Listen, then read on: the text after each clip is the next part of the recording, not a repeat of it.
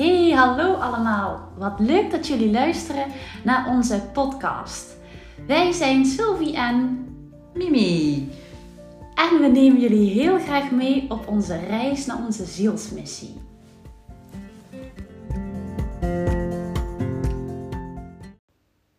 In onze eerste podcast nemen we jullie graag mee in wie we zijn en wat maakt wat we doen. Kortom, eigenlijk gewoon een, een, een, een voorstelrondje. En ik ga eerst eventjes wat vragen stellen aan Mimi. En daarna zullen we de rollen even omdraaien en zal Mimi ook vragen stellen aan mij. Ja, Mimi, ben je er klaar voor? Ik ben er helemaal klaar voor. Ja, vertel eens wat over jezelf. Wie ben jij? Ja, ik ben Mimi Pietersen. Ik ben 33, nog net. Ik word bijna 34. En ehm, ik uh, heb mijn naam Mimi altijd een beetje vervloekt. En die heb ik mogen omarmen. En met deze naam ben ik uh, mijn praktijk begonnen. Wat was eigenlijk voor jou een reden dat je je naam vervloekt? Want het klinkt zo. Ja. ja. Nou ja, omdat ik een naam heb die vaak alleen voorkomt bij je huisdier. Vaak heeft iemand zijn kat heet Mimi. Of uh, nou ja, de bijnaam van een oma is vaak Mimi. Dus ik werd altijd geassocieerd met een dier of een, een, een, een, een hoe zeg je dat? Een figuur van de tv. Dus werd ik uh, ook wel afgekort naar Inimimi of uh, Miep Miep Sjoejoef. Dus het werd altijd een beetje, in mij, in mij is die altijd een beetje een negatieve, heeft hij een negatieve lading gekregen. Als ik mijn naam zei, moest iedereen altijd drie keer vragen hoe. En dan moest ik het ook nog spellen, want ik ben ook nog niet dus Mimi met een I, maar met een Y. Ja. Dus dat maakte wel dat, uh, dat het in mij een soort dingetje is geworden, die naam. Dat je dan al heel jong voelt dat niet, ja, niemand heet zo. En uh, ja, kinderen doen gemeen. Dus je moet, ja, uiteindelijk heeft mij dat ook wel gemaakt dat wie ik ben. Maar dat, uh, dat heb ik niet altijd fijn gevonden. Terwijl, ja, nu kan ik heel goed zien waarom ik die naam heb gekregen. Ja, ja. want vertel eens, wat maakt dat je die naam nu omarm, omarm, omarm hebt? Ja, nou, door mijn naam weet iedereen meteen wie ik ben.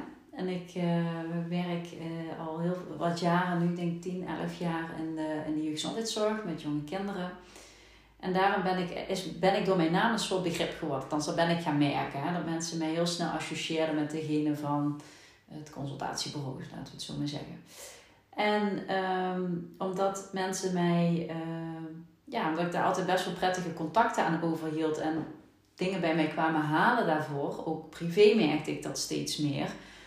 Uh, en ik op een gegeven moment dacht ik wil meer dan wat ik nu kan doen binnen de, uh, onder de vleugels van een werkgever.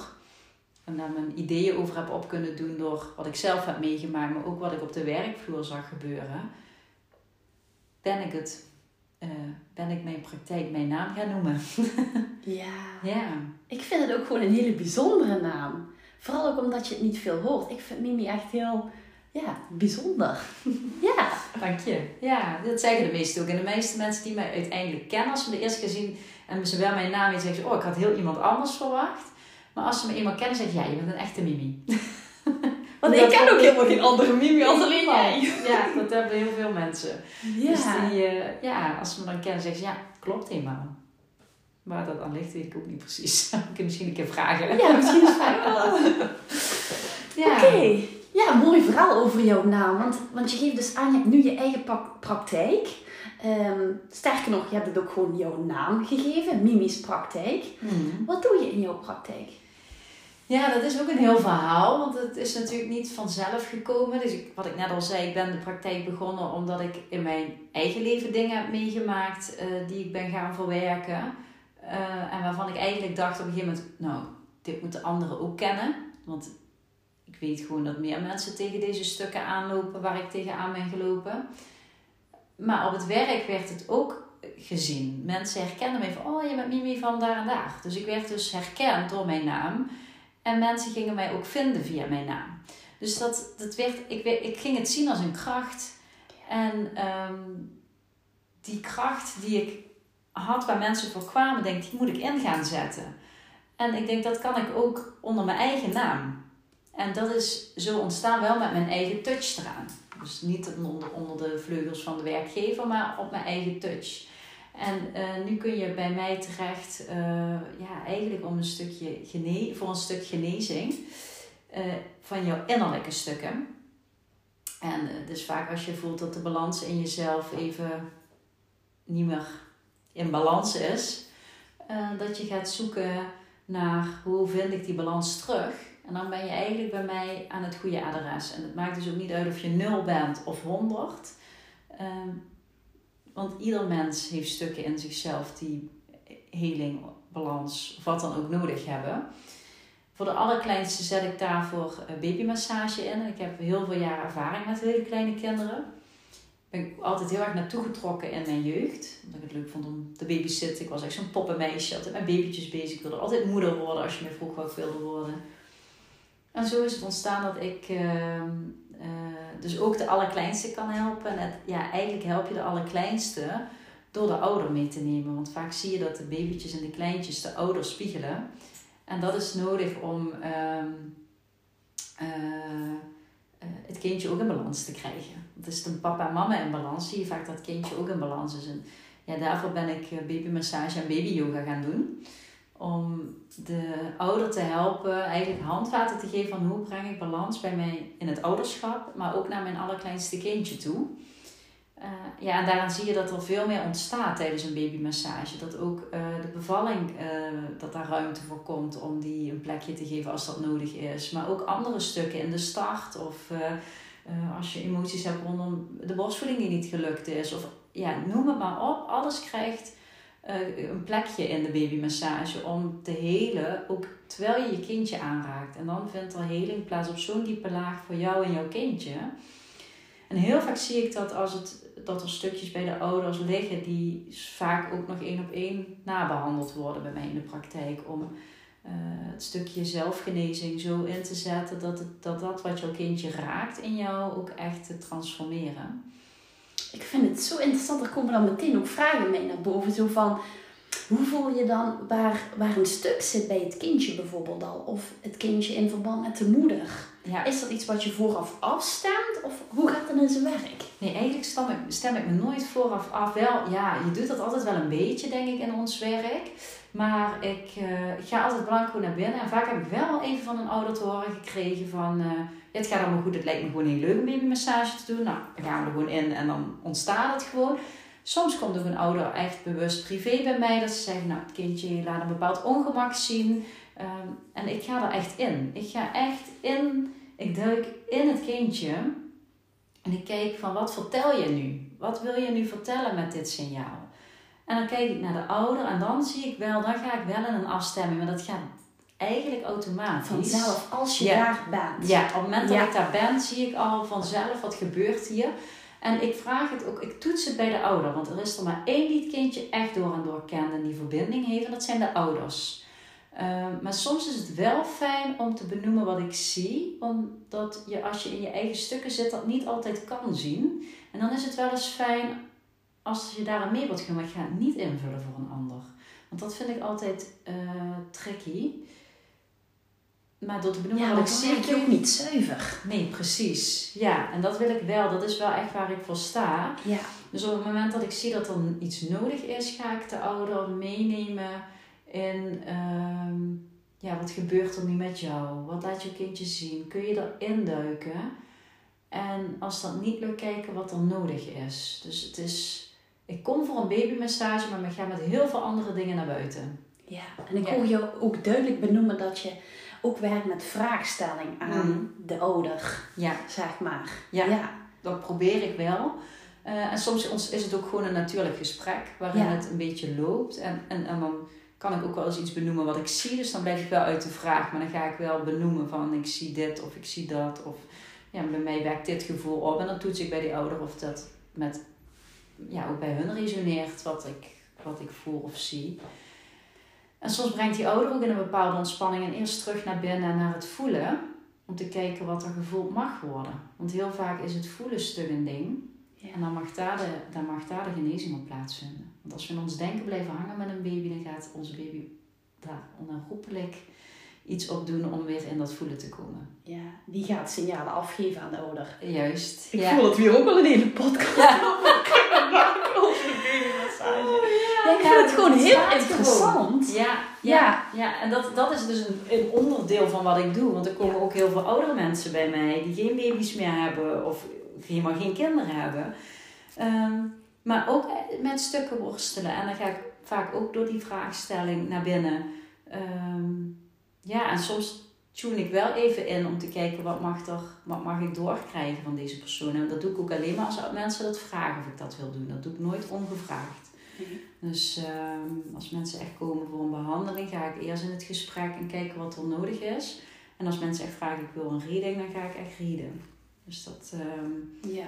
Maar hoor je zeggen, dat tune je eigenlijk van tevoren altijd af. Van is daar behoefte aan of vind je dat Ja. prettig? ja, ik, Of als de vraag al komt. ja, ik toets Dan- dat eerst. Ja, Ja. ik wil eerst weten of dat er is. Ik ga nooit ongevraagd uh, readen, dat zou ik nooit doen. Nee. Nee. Nee.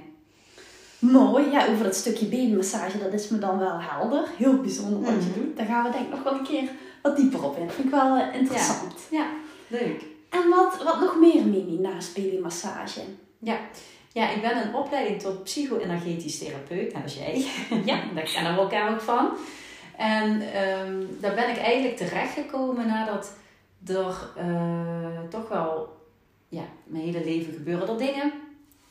En dat ik dacht van, nou mag het stoppen. Nou, of stoppen, nou mag ik het zien. Want het wordt zo uitvergroot en keer op keer weer hetzelfde. Of het, het volgende, maar het voelt hetzelfde.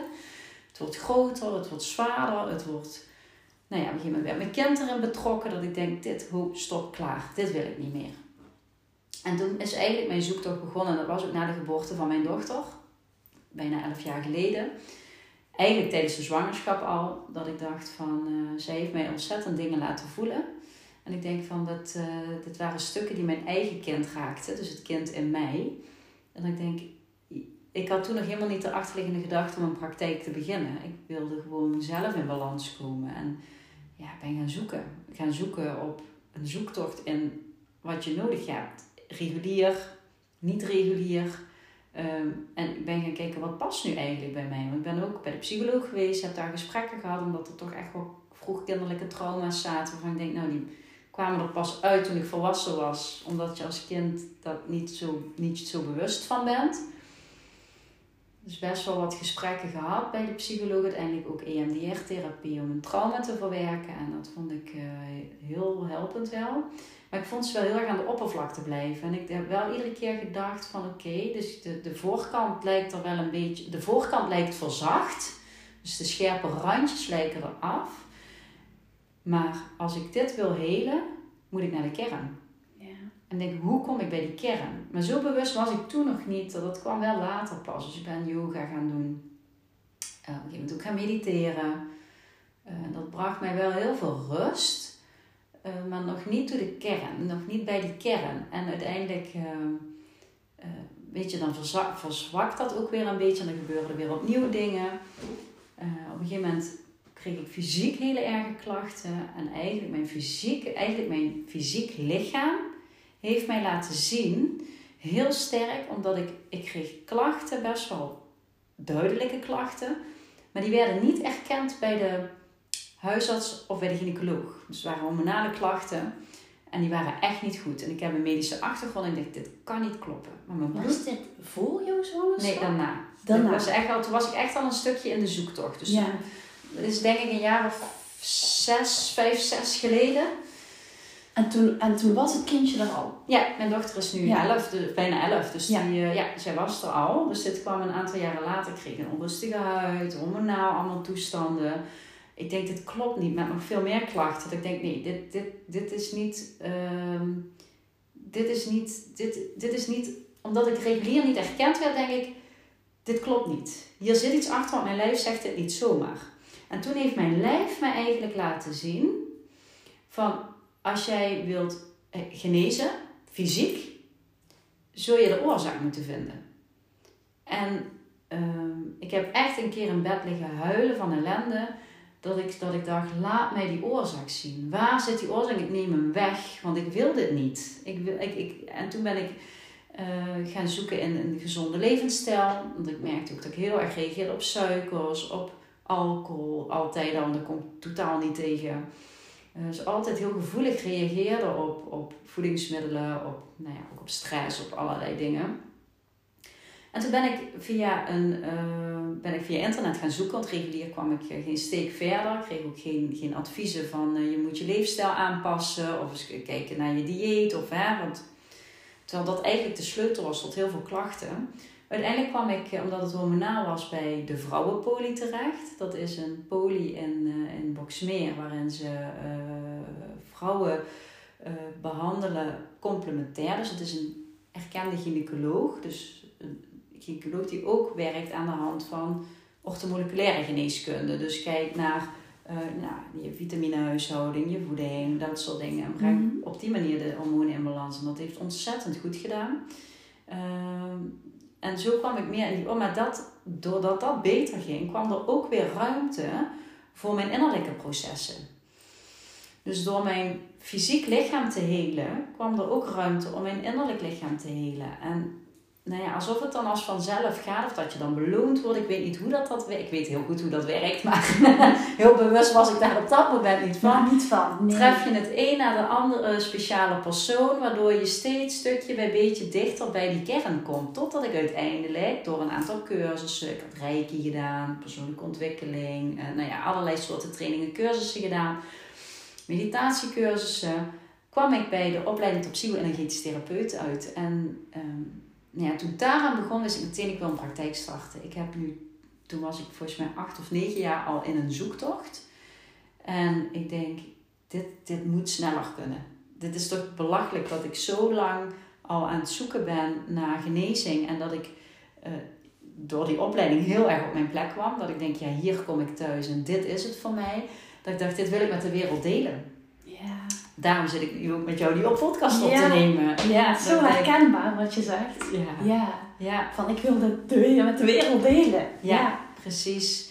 Dus um, uh, toen kreeg ik heel erg wel al die drang van, nou, dit, hier wil ik wat mee. En die babymassage wilde ik ook altijd al hoor. Dat, dat, dat, ik voelde dat al toen ik mijn eigen babytje gemasseerd had. Dat ik dacht, oh, dit is echt heel mooi als je je kindje dit kan meegeven. En ook dat verdiepend contact.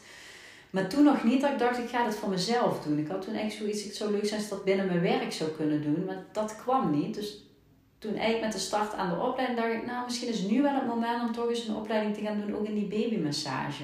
En ik groeide zo aan de andere kant. Ik denk, dat kan die kant meegroeien. En kun je ja, daar in die verdieping uh, creëren.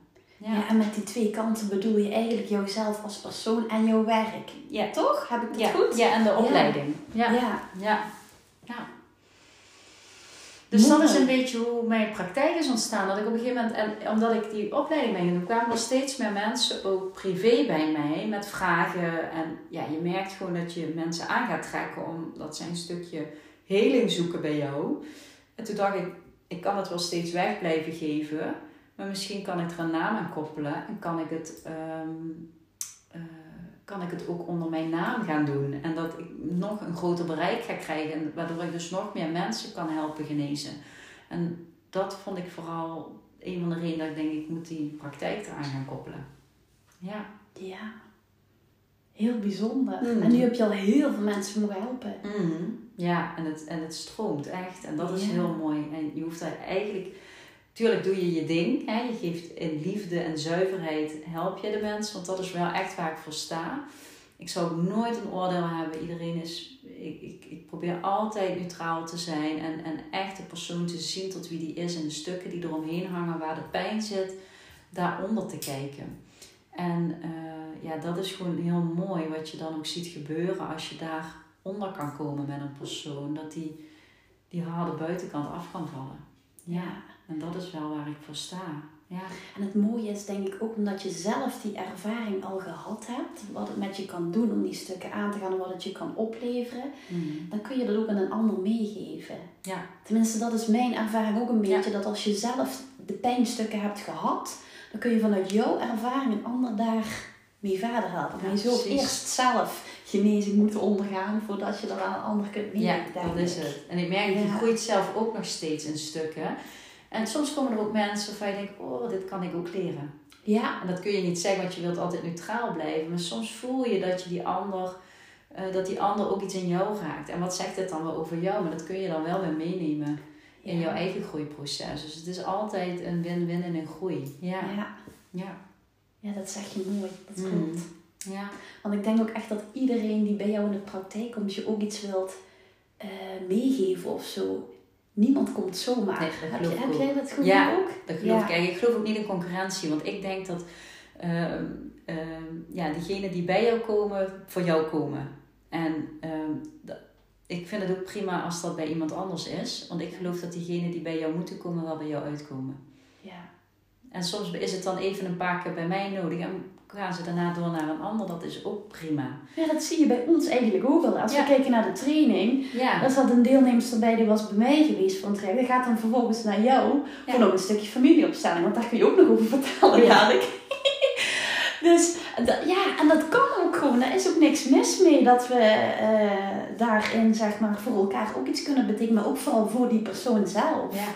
Dus dat... eh, ja, want daar kwam die training. Die kwam Ja. toen ook nog om de hoek kijken. Je begint er nu al over, inderdaad. Want toen wij, dus bij elkaar zitten bij elkaar in de klas en toen kwamen we elkaar, eh, ja, kwamen in gesprek hierover. En toen dachten wij ook van dit moet de wereld in. Dit Ja. moet iedereen weten. En toen is onze training ontstaan. Dus, eh, en zo komt het nu dus dat wij onze kracht mogen bundelen en samen de mensen mogen begeleiden naar dat stuk genezing. ja. Ja, dat, ik vind dat prachtig dat dat zo Ja, kan. ik ook. En vooral ook omdat je deelde van, hè, ehm, dat je toch wel best wel een, een, een tijdsbestek bestek hebt gehad met betrekking tot je eigen stuk. Hè. Het heeft best wel eventjes geduurd voor die zoektocht een plekje kreeg, voordat je je Mhm. antwoorden eh, ontving. En dat je dan ook zegt van, ja, ik gun het iedereen dat het wat sneller mag gaan, zodat bepaalde stukjes sneller vallen. Ja, dat was natuurlijk voor ons ook de aanzet om die training te gaan, Ja, eh, precies. te gaan starten. Ja. ja. Ja. ja, zo mooi dat ik jou toen heb ontmoet, dat we dit samen zijn gaan doen. En nu onze zielsmissie, missie, zeker. Mimi Sylvie. Ehm, ja, dat is natuurlijk prachtig als we dit dadelijk in een jasje kunnen gieten, of ik weet niet hoe je het noemen wilt, dat daar gewoon onze kracht onder komt, waarin wij ieder kunnen gaan begeleiden in dat stukje genezing. En ja, ik geloof delen is helen. Dus als jij een groep samen thuis kan laten komen, zo hoe thuis wij zijn mogen komen en daar onderdeel van mogen zijn, vind, ja, vind ik het allermooiste. Ik ook. Ja, Daar sluit ik mee helemaal bij aan. ja, en wij vu- vullen elkaar daarin zo mooi aan, omdat we ieder onze eigen expertise hebben in eh, bepaalde vlakken, eh, dat, er, ja, dat het alleen maar een enorme kracht is als we dit samen kunnen pakken. Ja, Ja, dat klopt. En ik heb dan ook zoveel ideeën. Ik vind het zo mooi dat we nu doorpakken. Ook dat we zeggen van ja, kom we gaan beginnen met die podcast. We gaan er werk van Ja. maken. En we zien wel hoe het loopt. Ja, we, we weten niet waar het, eh, waar het einde is. nee, precies. Maar we gaan het gewoon aan. We gaan het gewoon aan. zien. Ja. Ja, en tot slot, dat heb ik recent mogen leren, want jij vertelde al over de opstellingen. Ik heb zelf, eh, ben ik daar nieuwsgierig naar geworden, naar het familieopstellingen. Ik weet eigenlijk ook niet meer waarom. Volgens mij las ik op Inspirerend Leven, dat volg ik dan via Facebook, zo'n pagina is dat. Een, eh, een, een artikel over, eh, volgens mij, een afwezigheid van vader. En ik heb zelf een afwezige vader eh, mogen, heb, ja, mogen hebben. Eh, waardoor ik eh, hier zit. ja, dat klinkt heel gek en ik kan dat nu ook echt zo zien. Eh, en van hem heb ik, door hem heb ik heel veel mogen, mijn eigen stukken mogen zien en genezen. En ben ik dus ook op heel veel literatuur gestuurd en dingen gaan lezen over het hebben van een afwezige vader. En toen kwam ik bij het boek van Els van Stijn uit van de Fontein. Ja, prachtig boek. Ja, dat is echt fantastisch. En dat gaat dus eigenlijk over familiesystemen. En dat, dat trok me gelijk zo. En eigenlijk met het samenkomen van het artikel en het boek... kwam er ook ineens als vanzelf een familieopstelling op mijn pad... door een van onze studiegenootjes toen in het eerste jaar... die ook die opleiding tot familieopsteller deed. En dat vond ik... Ik kon dat zo voelen en zo ervaren, die familieopstelling... dat ik zoiets had, wow, wat is dit mooi... Maar ik was toen zelf geen vraagsteller. Ik was eh, bij een familieopstelling kun je een vraag inbrengen en die wordt dan neergezet met representant. En ik was een representant, dus ik was voor de vraagsteller een familielid. Ja. En eh, dat vond ik zo mooi dat ik dacht, ik wil zelf ook een vraag inbrengen. En bij haar ging toen even niet, dus toen ben ik op zoek gegaan naar iemand die dat deed in, eh, in, bij ons in de regio. En toen heb ik bij haar een, een, familieopstelling mogen doen, wat heel veel verhelderd had wel op zich, maar ook heel veel niet. En eigenlijk daar waar mijn vragen ontstonden, had ik zoiets, hier wil ik nog wat mee. En toen ben ik één op één nog een tafelopstelling bij haar gaan doen. En dat heeft toen zoveel inzicht gebracht. En daar heb ik zoveel los mogen laten. Dat ik zoiets had, dit, dit moet ik ook hebben in mijn praktijk. Dit is, naast, natuurlijk is het ook energetisch, maar naast het direct energetisch werk wat ik doe, vind ik dit gewoon echt een tastbaar inzicht wat je kan geven. Door het echt neer te zetten, visueel te maken en een ander het echt mee te laten voelen. En die vraagstelling blijft daarbij. En dat vind ik zo mooi. En de kracht die ik gelukkig heb mogen leren, die niet alle opstellers hebben, maar wat ik de meest waardevolle vind, is de helende zinnen. Ja. Dus op het moment dat je de kern vindt van een uh, thema of iets wat er speelt in het familiesysteem, dat je het dan ook weer terug kan geven aan de oerbron. Dus daar waar jij het voor bent gaan dragen. Maar wel in de stappen van de personen die ertussen liggen, die het ook hebben gedragen. Dus dat je eigenlijk, ik noem het naar kinderen, want die doen ook wel eens bij mij opstellen. Zo, dus de, de grote jas die jij van papa of mama hebt aangetrokken, die eigenlijk ook te zwaar is, die je uit mag trekken. Dat voelt gewoon heel licht en bevrijdend. Ja, en je hebt het over helende zinnen. Dan heb jij het toch ook over ik ben of ik kan of ik ben goed zoals ik ben. Zijn dat helende zinnen? Dat zijn ook helende zinnen, maar in de familieopstellingen zijn de helende zinnen eigenlijk zo van ik droeg het uit liefde, maar ik geef het nu aan jou terug. Oh ja. Of ik heb uit liefde ehm, het gedragen uh, voor mijn voorouders. Ik geef het terug. Ja. Of ik ontvang het terug. Want het kan ook zijn dat ik als moeder mijn kind iets heb doorgegeven. Want ik denk, nee, ik wil niet dat jij dit draagt. Ik wil dat jij het teruggeeft. Maar het ligt een beetje aan het thema. Ja. Dus het kan ook zijn dat ik bijvoorbeeld uh, als moeder, als kind boven mijn moeder ben uitgestegen. Ik noem maar een voorbeeld. Hè? Mhm. En dat ik mij eigenlijk boven mijn moeder sta, maar dat mijn moeder weer haar plek als moeder inneemt. Ik zei, ik ben jouw moeder, jij bent mijn kind. Ik zal altijd jouw moeder zijn. Dus door te zeggen dat jij groter bent, en dan kun je ook rituelen bij toepassen door op een stoel te gaan staan en je echt groter te maken, dan laat je echt dat kind weer kind zijn. Ja. En geef je het kind weer zijn kindplek terug. En dat vind ik zo mooi aan deze manier van opstellen, dat je het echt hield. Ja, en het mooie is denk ik ook dat je nu ook gewoon de ervaringen uh, hebt van de opleiding tot psycho-energetisch therapeut, dat je die ook nog kunt toepassen in die familieopstelling. Dat gebeurt Die ook. extra heling en die... Ja. Ja, want alles wordt er soms bijgepakt. Want soms zie ik ook dat er een stuk vergeving nodig is. En uh, ja, we hebben gewoon ook hele mooie vergevingstechnieken geleerd. En, dan kun je, en soms kun je ook tussen familieleden vergeven. Dat heeft mij ook heel veel heling gebracht. Um, want vergeving kan je doen op jezelf, naar jezelf toe dat is vaak al de mooiste heling die je kan doen door jezelf te vergeven, omdat je jezelf hebt toegestaan. Maar als er wrok is ontstaan drie generaties terug, bewijzen van, kun je dat ook tussen die twee. Ik heb bijvoorbeeld tussen mijn vader en opa vergeving toegepast. Omdat zij iets hebben doorgegeven aan mij, ook waar ik mee, wat ik los had gelaten, maar nog aan mij bleef hangen omdat het daar nog hing. Dus door het bij hun los te laten, kwam het ook echt los uit het familiesysteem. Ja. Ja. Oh, is ook bijzonder. Oh, we hebben nog heel de over te praten. Ja, ik kan zo uren doorvertellen. Kunnen we in de volgende podcast doen? Ja, we een thema apart of mensen uitnodigen misschien die dit kunnen. Maar dat vind ik wel het, het, het, het, het mooie aan jouw werk. Dat je eigenlijk als, als ik nu bewijzen van als uh, klant bij jou in de praktijk zou komen, dat je zoveel diverse laadjes hebt die je open kunt trekken. Van, oh ja, nu, nu denk ik dat dit geschikt is, het stukje familieopstaan. Daar pak ik een vergeving bij vanuit de opleiding. En een healing, ik noem maar wat. En dat maakt het dan zo compleet. Dat lijkt me wel heel fijn. Ja. Ja. Ja, soms vind ik dan ook. Dan denk ik, ja, dat is mooi. Mensen ervaren dat natuurlijk ook wel zo. En soms denk ik ook wel eens van, uh, is het niet te veel? Dat heb ik ook wel eens gehad. Uh, maar ik kan het steeds concreter maken en steeds beter gebruiken. En ook steeds meer zien dat uh, het, het einddoel wat ik heb met iemand, dat dat um, ook eerder bereikt wordt. Ja. Daardoor. En ik wil ook nooit dat mensen uh, het gevoel hebben dat ze terug moeten komen. Of dat ze, want ik wil zuiver werken. Dus ik zeg ook altijd van, nou, je komt een keer, klikt het, ben je altijd welkom Ja. opnieuw en kijk je eigen pad. Wanneer jij eraan toe bent voor de volgende keer, is dat oké. En ehm, dan kunnen we altijd kijken, als we A hebben gedaan, kunnen we ook B doen, C doen. Ja, ik heb dus inderdaad dat, dat kastje vol wat we kunnen inzetten. Ja, Ja. en dat is op zich wel heel waardevol. En daardoor kun je in hele, heel weinig contacten al heel veel doen. En ik hoor, ik hoor jou zeggen, m- ik heb soms het idee dat het misschien wat te veel is. Wat, wat denk je dan dat te veel is?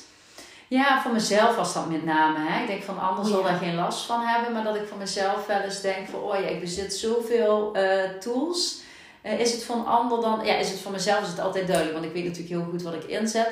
Maar ik heb in het begin ook wel eens gedacht van... Oh, vindt die ander het niet te veel? Hè? Want oh ja, zij richt zich op baby's. Hoe kan ze dan iemand ook helpen die eh, volwassen is? Of eh, nou ja... Maar dat, dat is natuurlijk... Die genezing van binnen maakt niet uit hoe oud je bent. Nee, Dus daarom dat ik het eigenlijk te veel noemde, omdat het soms ja, in mijn gedachten ja. eens dat, dat, dat leven heeft geleid. Ja, want ik zie het juist als, als een verrijking. Ik zie het Ja. echt als een, eh, Ja. als een plus die je hebt. Kan ik nu ook zien hoor. Ja, Goed ik zo. zie het nu ook echt wel als een plus, terwijl ik dat niet altijd... eh, Ik zit hier even gewoon complimentjes uit te delen. Heel lief van jou, Ja. Ja, nee, dat klopt. Daar heb je wel een punt. Want dat maakte ook wel dat ik en breed in, inzetbaar ben, maar ook eh, in een weinig contactmomenten heel veel kan inzetten. Dat klopt. Je kan tijdens inderdaad een familieopstelling ook andere dingen doen. Ja, ja. Mooi. Ja, ik denk dat dit het voor mij wel was. Eh, of Ja, nou ja, we kunnen er nog weer over Ja, dat denk ik ook. Heb je nog vragen aan mij?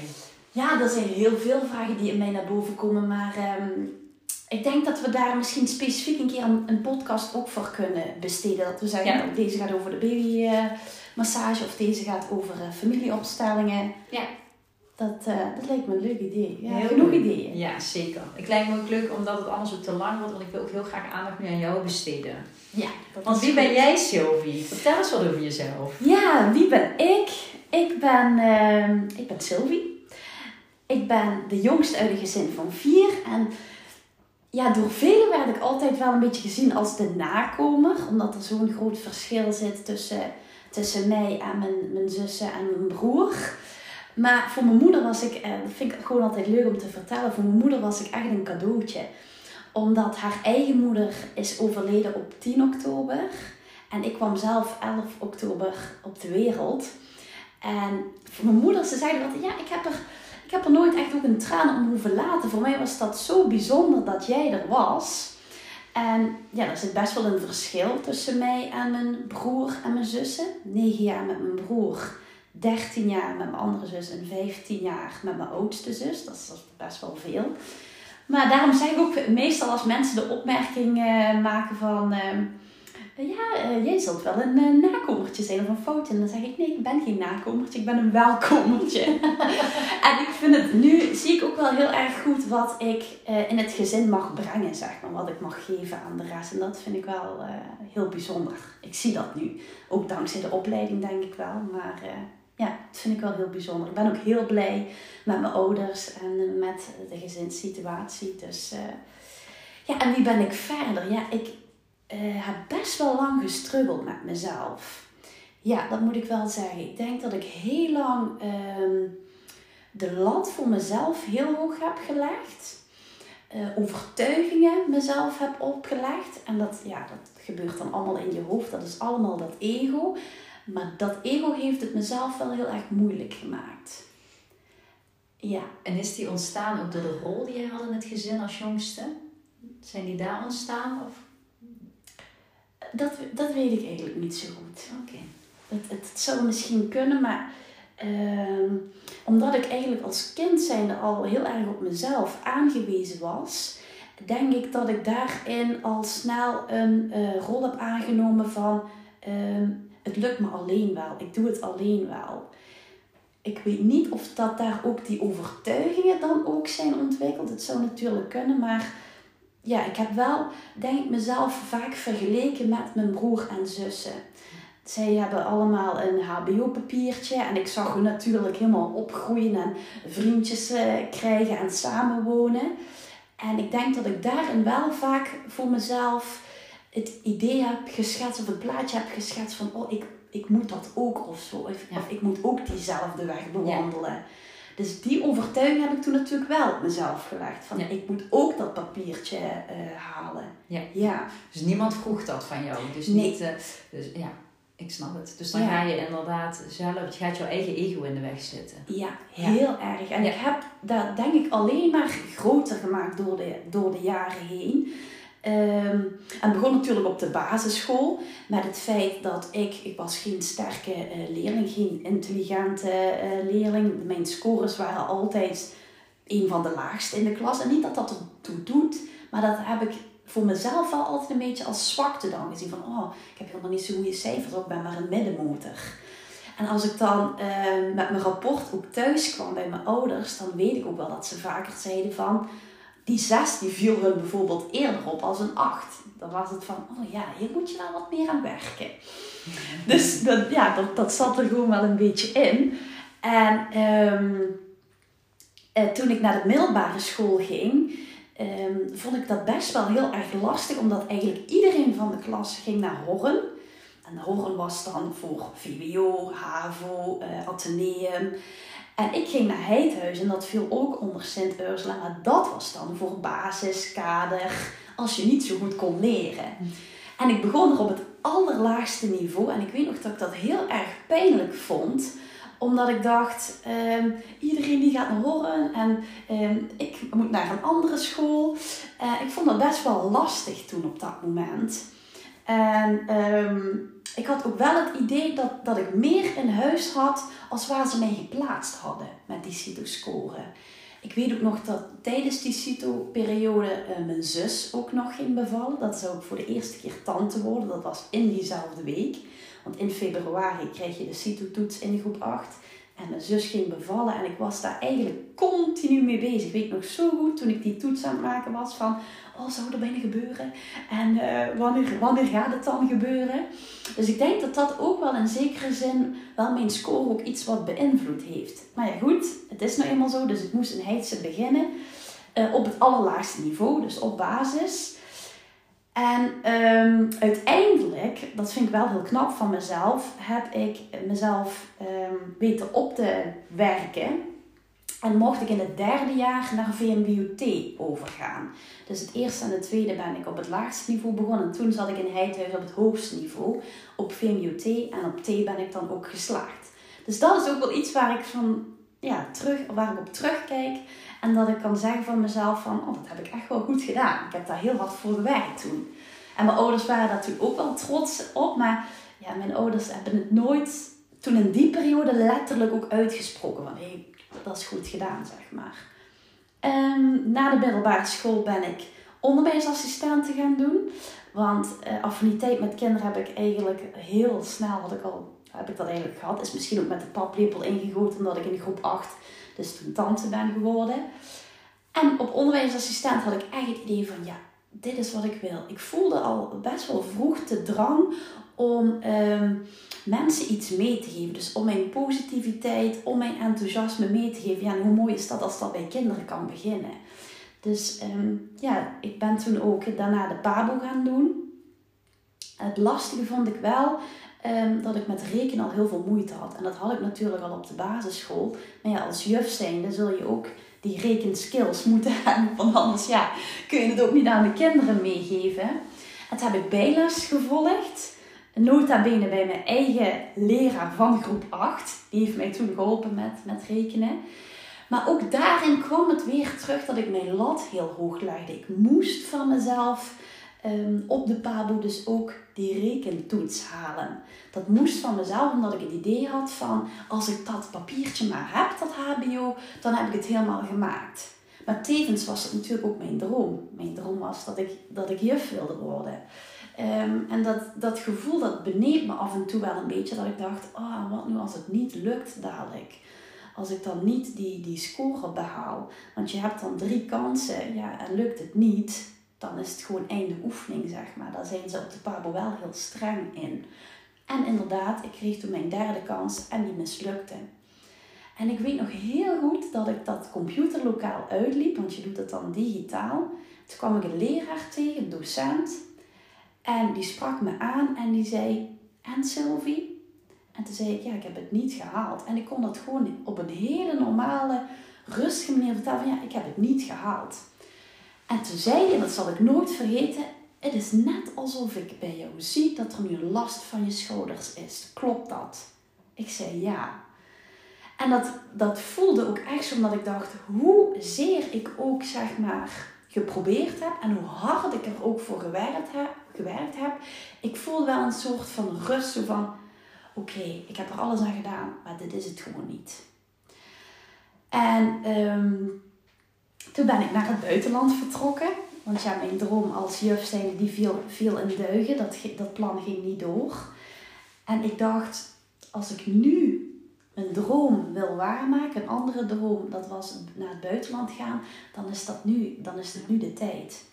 En hmm. tevens um, ja, hadden we toen in de thuissituatie een, een best wel pittige, pittig jaar. 2013 was voor ons in de familie wel echt 2013. En ik had zoiets van, misschien is het dan nu wel goed om gewoon te vertrekken, om naar het buitenland te gaan.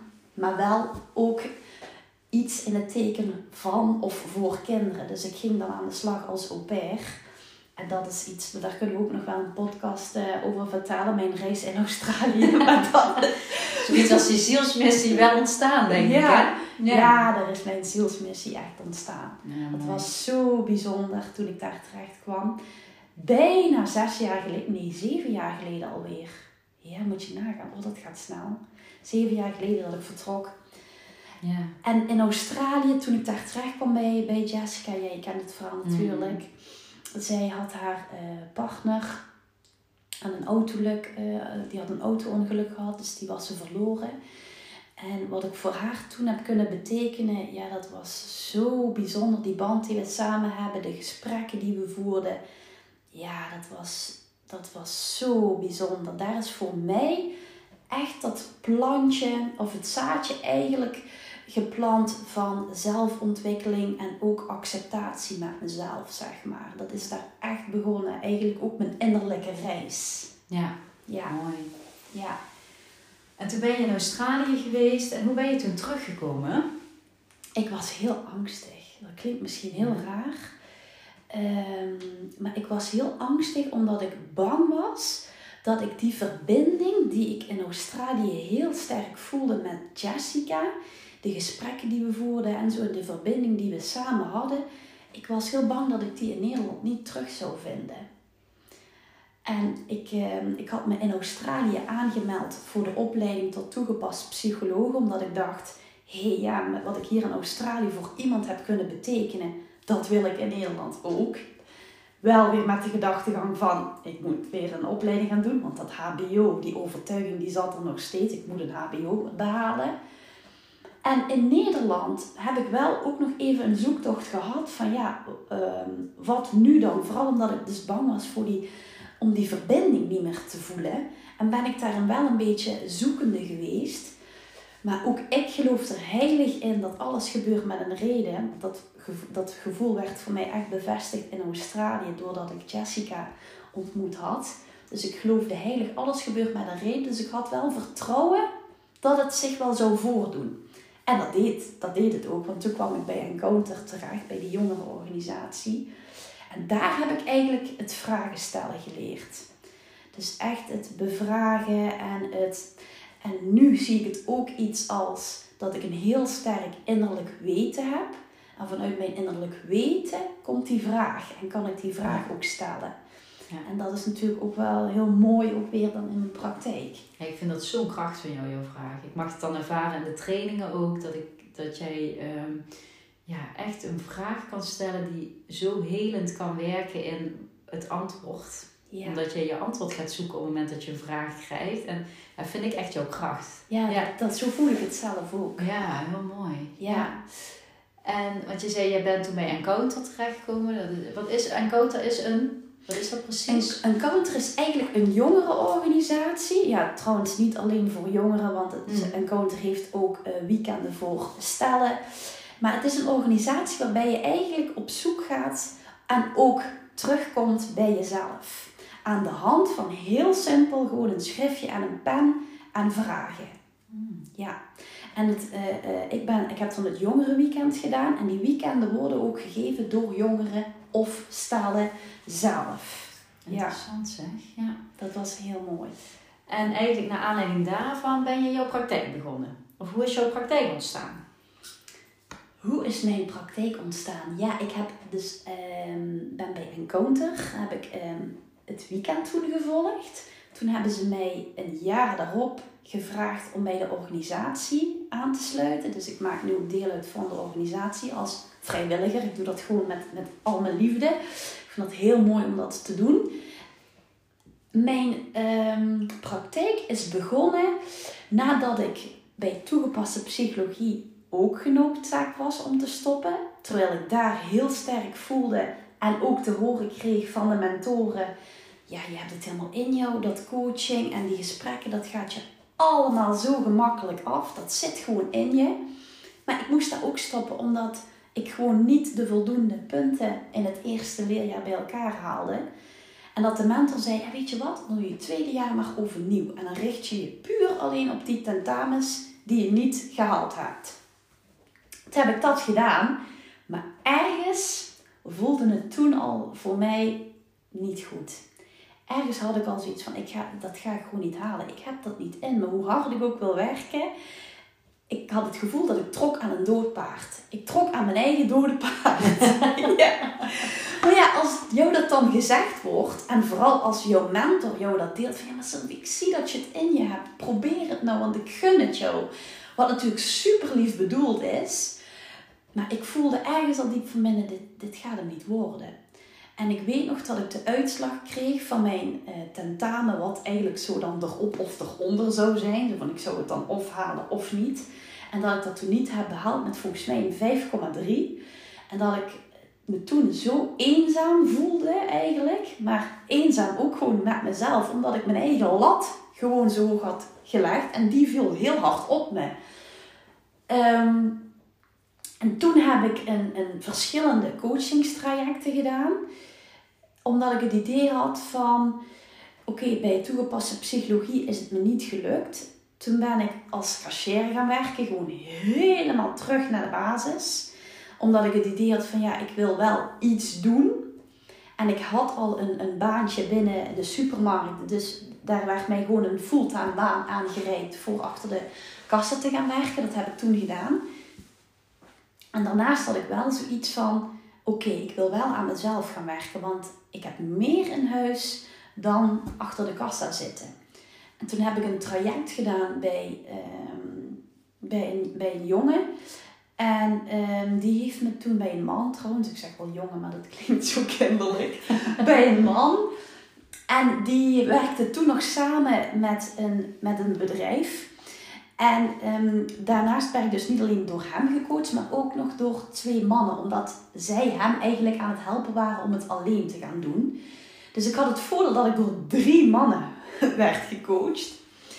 En die drie hebben me eigenlijk, ja, die drie mannen hebben me eigenlijk laten inzien van, ja, waar wacht je nou op? Begin gewoon met je eigen praktijk. Want ik had natuurlijk wel bij toegepaste psychologie het doel, ik wil coach worden. Daar lukte dat niet via die weg. En toen ik dat coachingstraject ging doen, zag ik: oké, maar als jij het kunt, dan kan ik het ook. En toen heb ik die stoute schoenen aangetrokken en ben ik gewoon begonnen. Oh, wow. Ja. ja. En als jou in jouw praktijk, uh, hoe werk je in jouw praktijk? Wat doe je precies?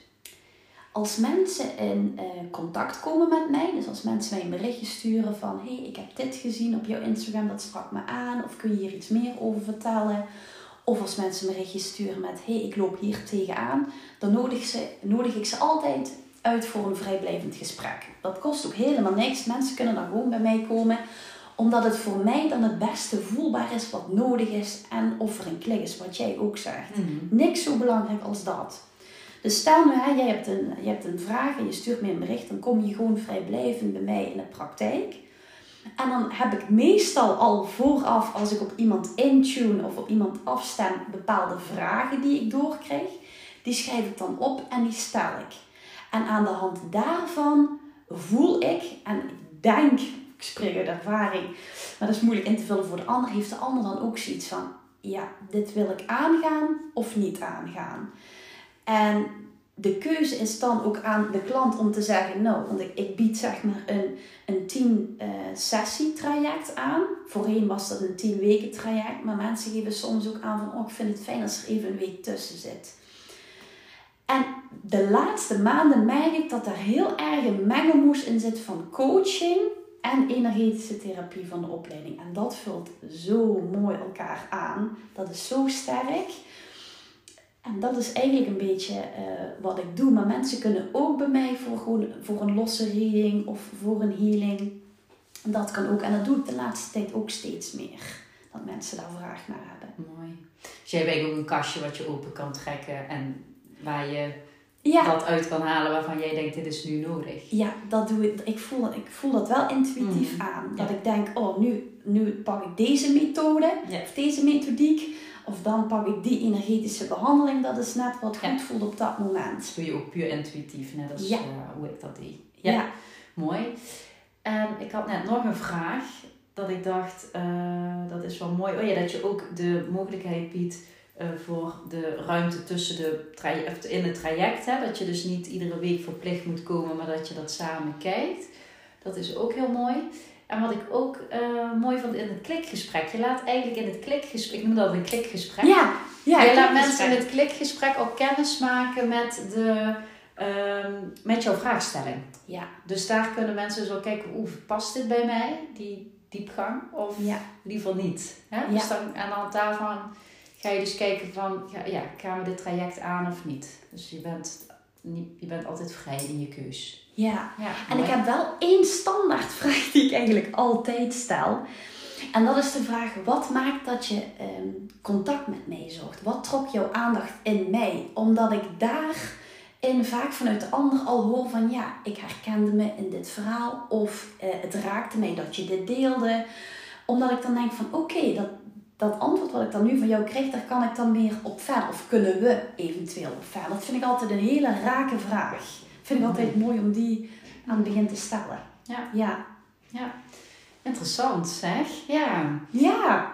ik denk dat we wel heel veel verteld hebben. Of is er nog iets wat je wilt delen? Ja, we zouden nog uren kunnen Ja. praten, maar ik denk dat dit een mooi begin is voor... Voor onze eerste podcast. Ja. Ja, vind ik ook. En dan kunnen we altijd nog intunen op een gesprek als... eh Goh Sylvie, je werkt als coach, wat doe je precies? Of eh, een reading, hoe gaat dat precies? Of Ja. eh, dat stukje? Vanuit daaruit Ja, kunnen we altijd nog verder, ja. Leuk.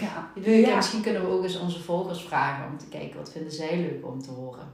Ja, misschien hebben ze wel een vraag aan ons, Ja. wat ze zouden willen weten. Leuk. Ja, ik heb er zin in. Ik ook, Mimi. Nou, Ja, dan, dan denk ik dat we gewoon iedereen heel erg willen bedanken voor het luisteren Ja. naar deze podcast. ja, En eh, stay tuned. zeker.